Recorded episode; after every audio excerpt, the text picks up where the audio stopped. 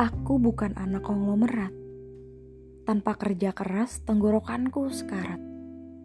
Tanpa kesadaran otakku melarat. Aku bukan anak orang berpangkat. Tapi aku lahir dari rahim yang tinggi derajat. Aku bukan anak tunggal kaya raya. Yang bisa foya-foya dalam sekejap mata. Keluargaku bukan keluarga adidaya. Apalagi adik kuasa warawiri ke sana kemari sembari banyak gaya. Ibu bapak bilang anak pertama itu tumpuan keluarga. Apalagi perempuan, gak boleh gampang putus asa. Ibu bapak bilang aku bisa menjadi selimut keluarga, membimbing adik-adik sampai dewasa.